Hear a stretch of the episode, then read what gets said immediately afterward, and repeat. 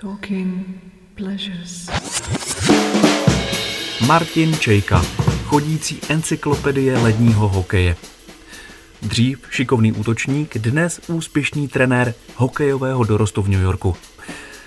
Známe se od dětství. Celé zimy jsme spolu prožili právě hokejem na ulici. Pak naše cesty rozdělily školy, rozdílné party a jeho nová životní etapa v Americe. Přesto zůstáváme dál v pravidelném kontaktu a pořád jsme myšlenkama na ulici před jeho domem s ošoupanýma hokejkama a zmrzlým tenisákem. Na Martinovi obdivuju jeho pracovitost, houževnatost a vášeň pro práci hokejového kouče. A pokaždé, když se bavíme o českém hokeji, mlčím, protože Martin má prostě vždycky pravdu. První díl série Talking Pleasures je tedy s dovolením o mém nejoblíbenějším sportu. Tak začneme. Prosím tě, Martine, slyšíš mě dobře? Slyším tě dobře, ano. Bezvadný. Tak já tě zdravím, čau. Čau. Je konec března a svět bojuje s pandemí nového typu koronaviru. Na spravodajských webech dneska vyšla zpráva, že nejpostiženější zemí jsou v současné době Spojené státy a ohniskem nákazy v Americe je New York. A ty v New Yorku žiješ, tak mě jako první otázka zajímá, jak se máš? Eh, no tak relativně vzato by se dalo říct eh, v rámci možností eh, docela OK, i když se tady střídají takové stavy, jako takové mírné paniky s nějakým prostě mírným optimismem, ale um, je třeba prostě si to nepřipouštět a jenom jako nějak se valit dopředu. A jste zdraví? Uh, jo, jo, tady uh, uh, zaťu, musíme zaťukat, že zatím jako to vypadá, že jsme zdraví, čilí a mm, snad to tak vydrží. Jo. Uh, jaká je situace v, v New Yorku? Uh, aktuálně město New York eviduje 23 tisíc nakažených podle AP a 365 mrtvých a okolo 4 tisíc hospitalizovaných. Tak jaká je situace teďka v, ve městě? Co pozoruješ, co vidíš ve městě? Je vůbec někdo na ulicích?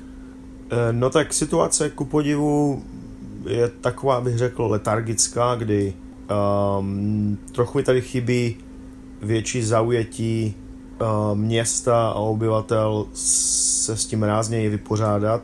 Samozřejmě ti, ti uh, lidé ve zdravotnictví a v první linii zřejmě to pracují na 200% a prostě je to boj, ale obyvatelstvo uh, spíše je pasivní a moc jako není proaktivní v nějaké ochraně a, a jdu tím příkladem a takové, takové věci jako sleduju na a těch českých serverech u nás mi tady trochu chybí, protože lidé opravdu chodí ven, nemají roušky, zrocují se, berou děcka ven někdy a neustále do toho houkají prostě sirény, protože jezdí sanitky a chybí mi opravdu větší zaujetí se s tím trochu více porvat Um, navíc tady jsou ty zprávy z té federální vlády, která vypadá to, že až bych řekl záměrně nechce dělat žádné takové jakoby radikálnější řezy a což na někoho, kdo čte zprávy několikrát denně opravdu a navíc má rodinu, opravdu působí trochu depresivně. Takže jediný na ulici s rouškou City a spousta jiných Evropanů. Uh, no tak Evropani museli jít domů, takže bych řekl, že já jsem je opravdu jeden z mála, kdo má roušku a uh, prostě čím více chodím ven, protože máme psa, tak tím více si prostě říkám, že ti lidé se musí probrat. Asi tak. V Česku se rozjela akce Šijet celé Česko. V Americe není nic podobného. Nic, právě jako já tady pamatuju, když byl, když spadly ty dvojčata, to byla samozřejmě uh, strašně smutná událost a trauma a všecko kolem toho a prostě tady se valila pomoc z celé Ameriky. Všichni byli připraveni uh, pomoct čímkoliv, kdykoliv, disciplína, nadšení, optimismus. A samozřejmě největší hrdinství zase hasiči, záchranáři, policie. A tito si samozřejmě udržují i teďkom, všechna čest, ale obyvatelstvo mi připadá, že ti, co mohli, tak ujeli, ti, co to zmeškali ten odjezd první, tak se nějak snaží tady prostě vegetovat v zavřených uh, domech, no a ti, co jako jsou asi mladí nebo prostě uh, nevím, jak to nazvat, ale um, nejsou asi tak zodpovědní, tak prostě jedou dál. Takže, takže asi tak. A jakou máš teda strategii se svou rodinou? Zůstáváš doma nebo chceš opustit město? Jaké máš možnosti? No tak eh, většinou ráno se zbudíme, tady už máme takové jaro, takže je pěkně, takže je spíš taková optimističtější nálada, kdy si řekneme, ještě pár dní tady zůstane, máme tady všechny věci, máme tady lékaře, um, zásoby samozřejmě a všechno možné, takže uvidíme, jak se to všechno vyvrbí.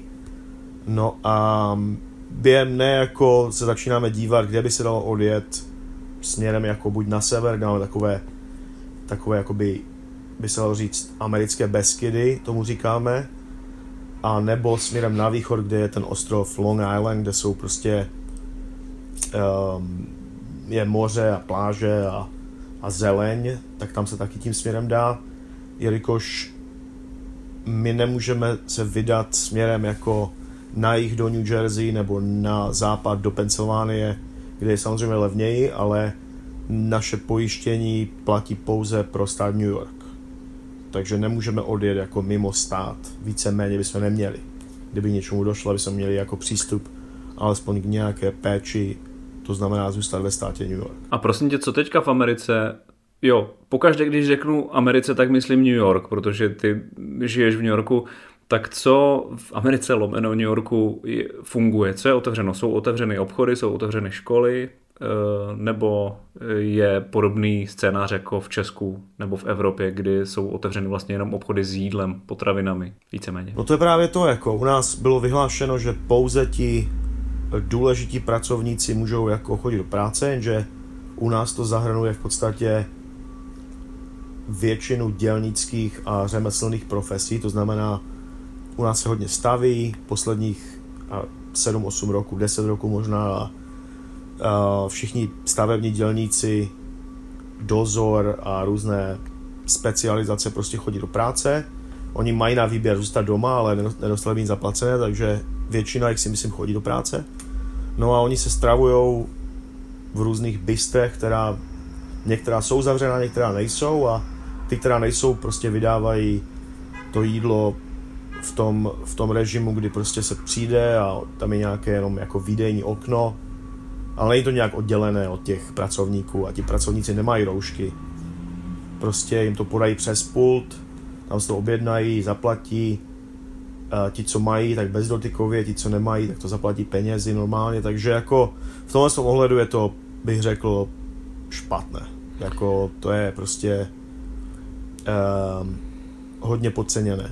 Obchody jsou otevřené, tam nějaké rozestupy se snaží jako udržovat, ale myslím, že se jim to moc nedaří.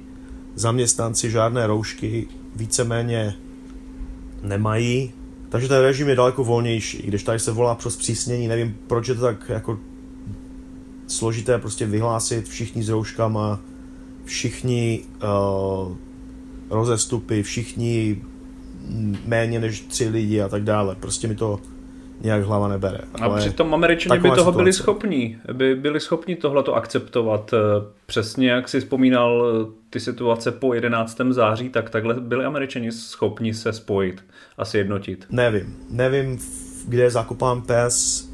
Um, lékaři varují, že nemocnice jsou přeplněné, že už nikoho neberou, nevezmou, a že jsou vysílení, a mezi tím jako na ulicích uh, je to je obraz, obraz jako jiný a když prostě volám se známýma, tak mi říkají v podstatě to samé. Ve, šel jsem ven s dětskem, něco nakoupit, kolem mě běhají lidi, tam ti chodí do práce, tam ti se baví, uh, zbalili jsme se a museli jsme odjet pryč, protože to nedopadne dobře. Teďka, když si voláme, tak je u tebe něco po poledni, jak když si říkal, že se u tebe mění nálada z hraního optimismu nebo z takové nějaké dobré nálady až po večerní totální skepsy, tak teď si v nějaké půlce? Teďka se to u tebe mění? Teď se to momentálně, teď se to ještě, ještě se to nezměnilo. Um, je u nás pěkně, máme otevřené okno, um, byl dobrý oběd, takže zatím je to, zatím je to dobré. Um, jako my bychom tady zůstali, ale prostě my jsme v, um, v bytové jednotce v baráku, který má 10 pater a používá se výtah chodí tady různí deliveristi, uh, víceméně nějaká fluktuace tady je, takže není to úplně ideální, takže jako i z toho ohledu jako máme, máme nějaký plán B, jsme se prostě sebrali a taky z toho města odjeli. Prosím tě, čím si v těchto těch dnech děláš radost? Tak eh, já mám osmiletou dceru, takže vidět jí prostě studovat s plným nadšením eh, tu druhou nebo třetí třídu, kterou ona jako studuje. Um, oni tu mají formou videokonference to, to, to vyučování a prostě uh, vidět to nadšení toho děcka do různých těch předmětů a že tam má ty kamarády a ti kamarádi třeba uh, dávají pozor, nedávají pozor, se napomínají a dělají různé vtipy a je to prostě, je to prostě sranda a um, denodenní rodinný život přináší určitě i radosti.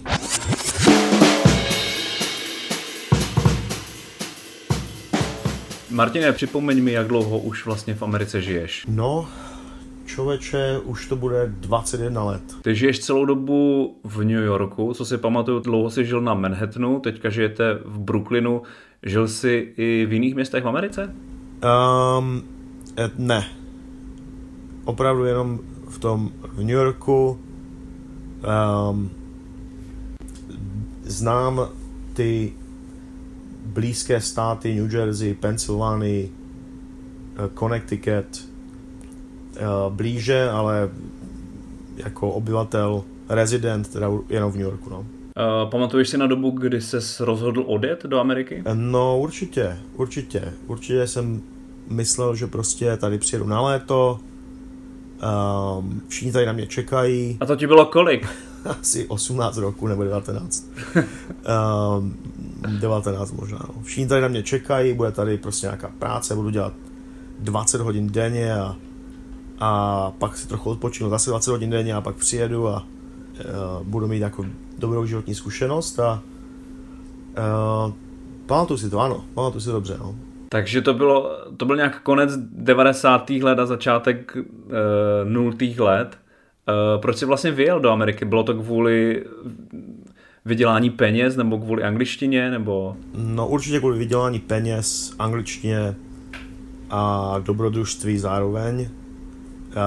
Za mých mladších let byla taková jako prostě uh, největší vlna, že prostě každý chtěl mít brigádu a každý student, středoškolák a vysokoškolák, takže samozřejmě jako brigády byly v Ostravě nebo v Česku nebo v Praze už byly lepší, v Evropě západní, tak to už byla špička a samozřejmě ně, několik pár vyvo, vyvolených lidí mělo brigádu i v Americe, takže tam jsem to chtěl zařadit a být jeden z těch vyvolených, kteří se jako kteří se vydají za oceán jako na brigádu. Taky ten dolar ale jako něco znamenal v té době. Ano, ten dolar v té době byl opravdu velice silný.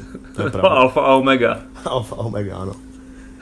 Eh, co tě na Americe bavilo po prvních dnech? Nej, nejdříve to byl jako brutální šok, kdy já jsem prostě myslel, že New York City je prostě město, kde se žije v mrakodrapech.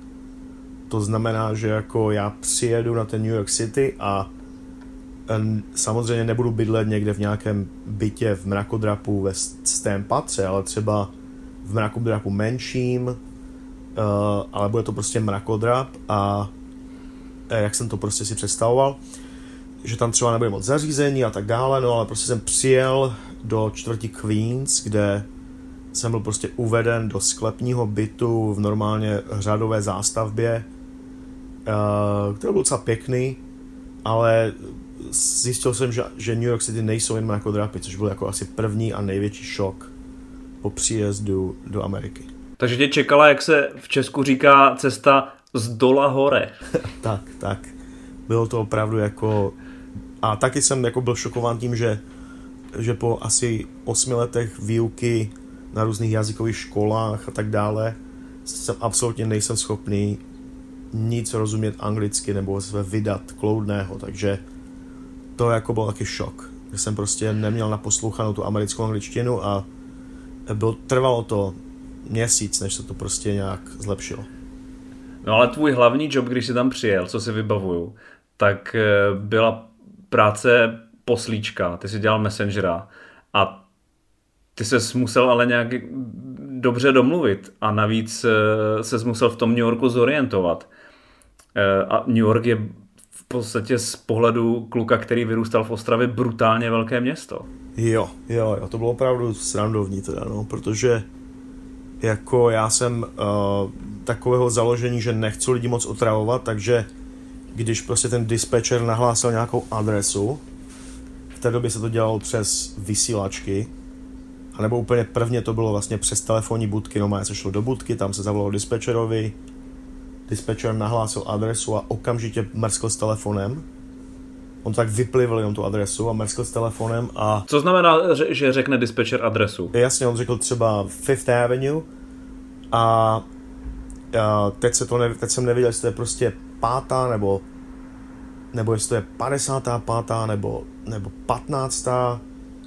nebo prostě jako, tak jsem jako prostě jsem ostřil uši a napsal jsem si to a pak probíhal jako pohled do mapy, kdy jsem jako lovil tu adresu v mapě, to je jako, jako standardní procedura, adresa, mapa, pak se tam mělo jet a když mi to prostě nějak nedávalo smysl, nebo jsem to nemohl v té mapě najít, tak jsem musel volat znovu a znovu. A tento můj dispatcher, ten první, ten byl teda jako dost netrpělivý, takže to byl jako to byl boj, to byl opravdu boj. Asi nutné připomenout, že nebyly telefony mobilní a nebyly mobilní aplikace a nebyla vůbec digitalizace nad světem, tak jako je dneska úplně normální. Takže opravdu byla papírová mapa a telefonní budka, což je z dnešního pohledu psycho. Dneska ale funguješ už podle mě v oboru, který ti je blízký a já si nedovedu představit, že by si ty dělal nějakou jinou práci, pohybuješ se ve sportovním prostředí, jsi hokejový trenér mládeže a jsi vlastně eh, a teď mě opravdu, jestli to říkám špatně, šéf toho klubu, ve kterém trénuješ? Jo, je to tak. Um, tady několik mládežnických programů uh, na Manhattanu, hokejových, které prostě se věnou dětem. Uh, většinou je to do 15 do 16 let a s některými jako spolupracuju a, něk- a jeden ten, bych řekl, jeden z těch dvou hlavních uh, vedu jako uh, sportovní ředitel. Takže vlastně pořád si v té emoci, kterou máš od dětství, ty jsi jako kluk hrál hokej, jako dorostenec si hrál hokej, hrál si závodně hokej, studoval si hokej vlastně na škole, já si tě nedovedu představit, že by si dělal jiný sport a že by si dělal vlastně jako něco jiného. Co tě na hokej pořád baví? No tak to je jednoduchá, jednoduchá odpověď. Prostě je to dynamický sport, um, vzrušující, energický, adrenalinový, rychlý, krásný, krásný sport, to znamená jako to nejde nebavit, to znamená, když někdo jako k tomu sportu, a to je třeba i fotbal samozřejmě, a florbal a košíková, ostatní sporty, když to někdo prostě má jako zažité z dětství, tak to je prostě na celý život. Dneska už hokej vlastně ty učíš nové generace. Bylo těžké se dostat v Americe na takové místo? Bylo to velice, velice jednoduché, musím říct. Já když jsem tady začínal v roce, dejme tomu 2003, tak eh, já jsem snad byl jako jediný nebo jeden ze tří placených trenérů na Manhattanu. To znamená 8 milionů lidí. Prostě v té době opravdu to byli tatínci, těch dětí, kteří trénovali ty mládežníky a když tam někdo zjevil, kdo jako znal pár cvičení a, a pár nějakých figlů a ještě to uměl předvést ty cvičení, tak to bylo prostě něco. Uh, takže jako spadl jsem do toho rovnýma nohama přes nějakého známého z večerního hokeje a hned naplno jsem se to jako tomu začal věnovat a jako od té doby to dělám. A mělo nějakou váhu to, že jsi z Česka, ze země, kde je hokej sport číslo jedna? No tak to určitě. Jako to, já jsem tady byl představovaný většinou rodičům jako český olympijský trenér z olympiády. uh, Tarasov a tak dále, prostě tady jako to, to tady jelo. To jsem se já, jako já sám nepředstavoval, takhle mě představovali ti rodiče, co už mě znali. No a jako samozřejmě Česko v té době, jako tady byl útok uh, na Manhattanu byl útok vlastně v té době Nedvěd, Hlaváč, Dvořák. A ty byly dokonce i v metru, jsem to, že jsem jel v metru a tam byly prostě plagáty vylepené na New York Rangers jako reklama a ti tři tam byli prostě jako v každém vagóně a, a, a byl tady byl tady samozřejmě, když přijel Jágr, tak to byla velká událost do města, prostě plno fanoušků. Takže jako ano, bylo to velké plus, teda musím říct, bylo to velké plus, hokej byl v kurzu, náš hokej, ti hráči samozřejmě byli, byli špička. Uh, snažíš se těm klukům, které trénuješ, to jsou kluci ve věku 5 až 15? Dalo by se tak říct, jo, 5 až 15. No. Snažíš se jim předat něco uh, ryze českého? Něco, co se naučil ty v hokejové škole? To bylo tak, bych řekl, prvních pět roků jsem se tady snažil razit ten náš prostě český hokej. A co to znamená? To znamená jako důraz na kolektivní pojetí a přihrávání a nějakou kreativitu a různé prostě strategie a, a tak dále.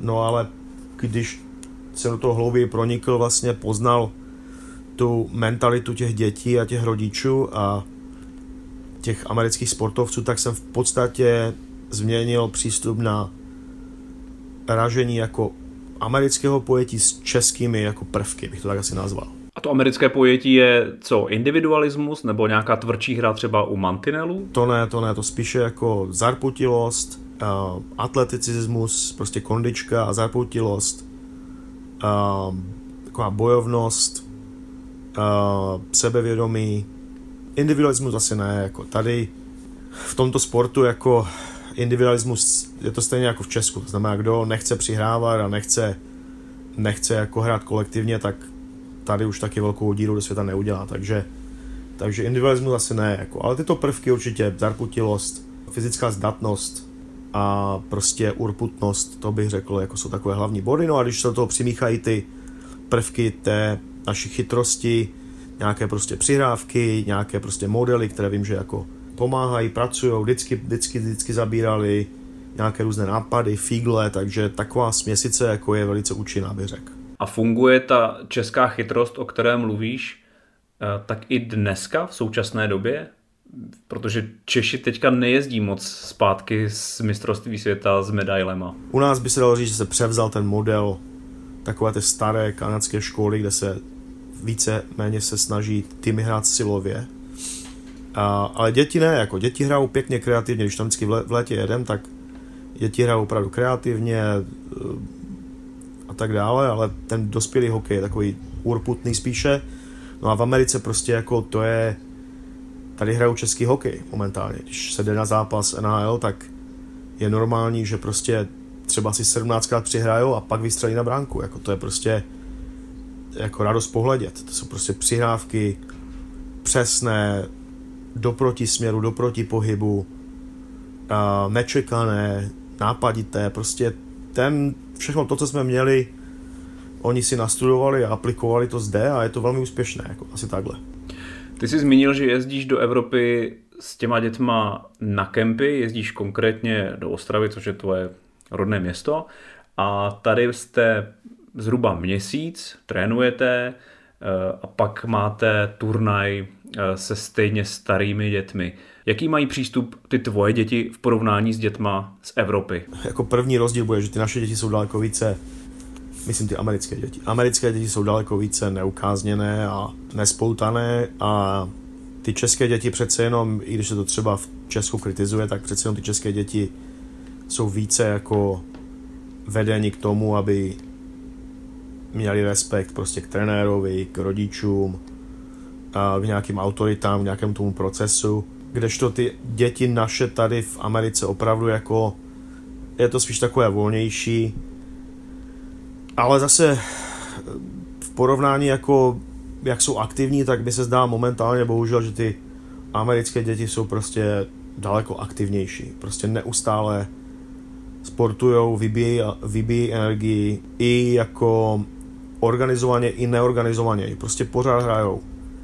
Když to ty děti naše jako nejsem si až tak jistý, že prostě po tom tréninku hokejové mají třeba další trénink tenisový a potom jdou někam s klukama hrát fotbal nebo hokej nebo tenis nebo prostě jenom jako jezdit na kole, nevím, tady ta populace přece jenom ten sport přes tu střední školu, vysokou školu, základní školu je tady uh, velice masový a je to taková prostě jakoby vizitka té společnosti, že je třeba být úspěšný, ano, v, v biznisu a v životě, ale zejména to taky ve sportu. Jako to je tady hodně tlačené a myslím, že to je něco, která ta naše společnost v Česku by si mohla taky aplikovat jako k, do našich škol a těm našim dětem. Mě zaujala ta neukázněnost, kterou si zmiňoval a taková benevolence k té neukázněnosti. My jsme se potkali na několika těch kempech a ty jsi mi vysvětloval to, že ta benevolence k té neukázněnosti je vlastně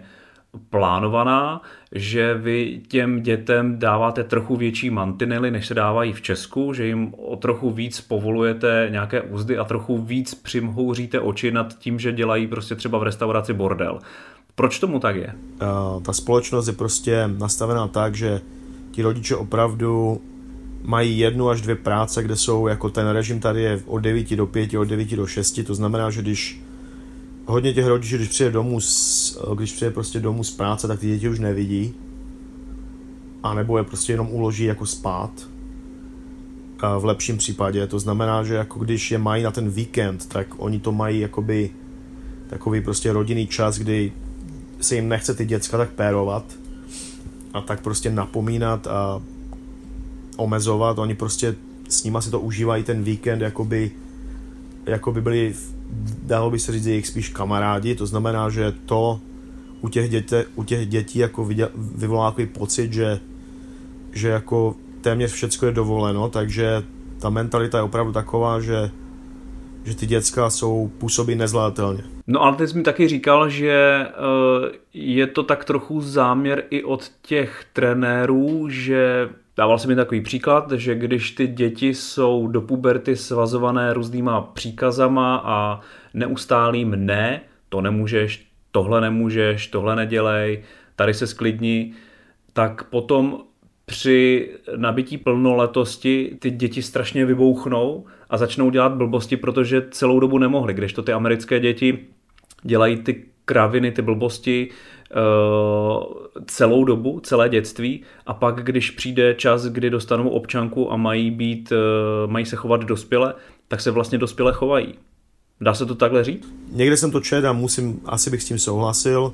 Musím teda říct, že jako že když prostě potkám nějakou toho svého bývalého svěřence prostě třeba v 17-18 letech, eh, nebo prostě už jako zletilého, tak to jsou prostě jako hotoví prostě dospěláci, kteří jako pozdraví, potřesou rukou, dívají se do očí, jsou upravení, jsou prostě úspěšní a, a mají to v hlavě, jako by se dalo říct, srovnané a působí prostě o pět roku starší, než jsou. To znamená, když já vidím ty svoje svěřence, když mají 17-18 roku, tak opravdu působí, jako že jsou, že mají 25. Jako něco, něco na tom bude asi. Když se ještě vrátím ke srovnání těch e, dětí v Česku a s těmi americkými, se kterými přijedeš na ten kemp, tak oni se tam asi setkávají.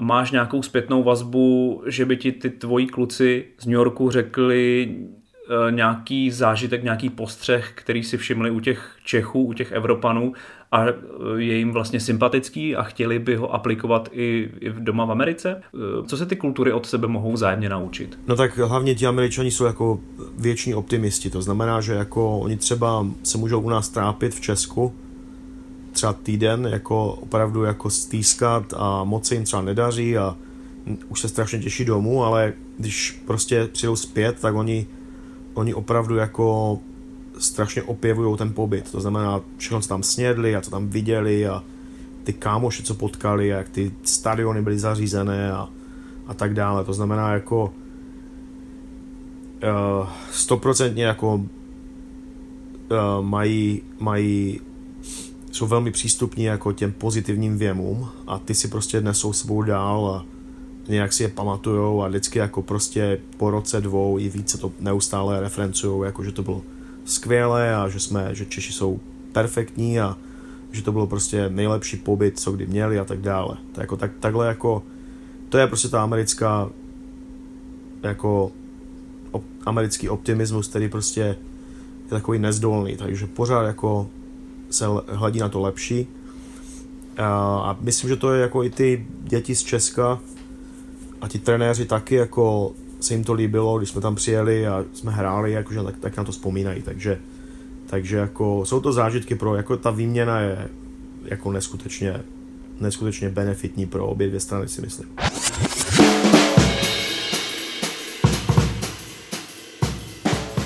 Seš v Americe spokojený po těch 20 letech, co tam žiješ, pracuješ? Tak jako, to, já myslím, že každý, kdo žije v cizině, by řekl, že jako ideální stav by bylo prostě půl roku žít v cizině a půl roku žít v Česku.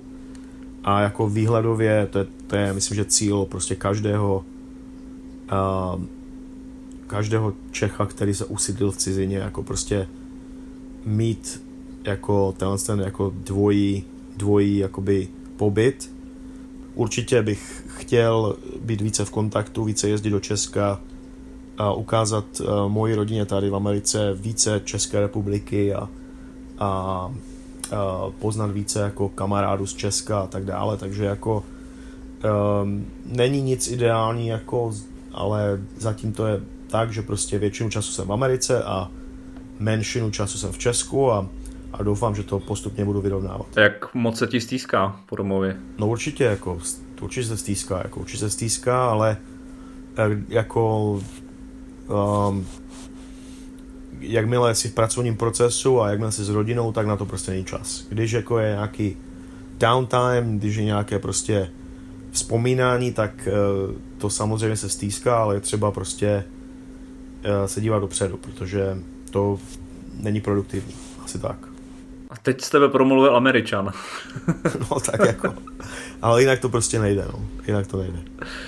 Eh, ty jezdíš do Česka tak třikrát za rok, pokud není epidemie eh, koronaviru. Jak to vidíš teď, eh, na konci března, kdy se dostaneš do Česka, co myslíš? No člověče, já pořád jako doufám, že co nejdřív, jako, takže já jako nemůžu si připouštět, že to bude třeba za rok nebo takhle, i když to třeba samozřejmě může být realita, ale doufám, že jako nějak to lidstvo to nějak překoná a, a nějací vědci něco najdou a prostě během měsíců nejsem naivní, ale během měsíců jako doufám, doufám, že se nějak sklidní a že bude třeba možná vyjet. Tak uh, já se budu tady snažit aplikovat tvůj americký optimismus. Uh, ty sleduj české, české zprávy, ať to vyvážíš. Ano. A ano, díky tak. za rozhovor, díky za tvůj čas a dávej na sebe pozor a drž se. Jasně, díky taky vám, zdravím všechny posluchače a taky tebe. A čau. Čau, čau, se. Čau.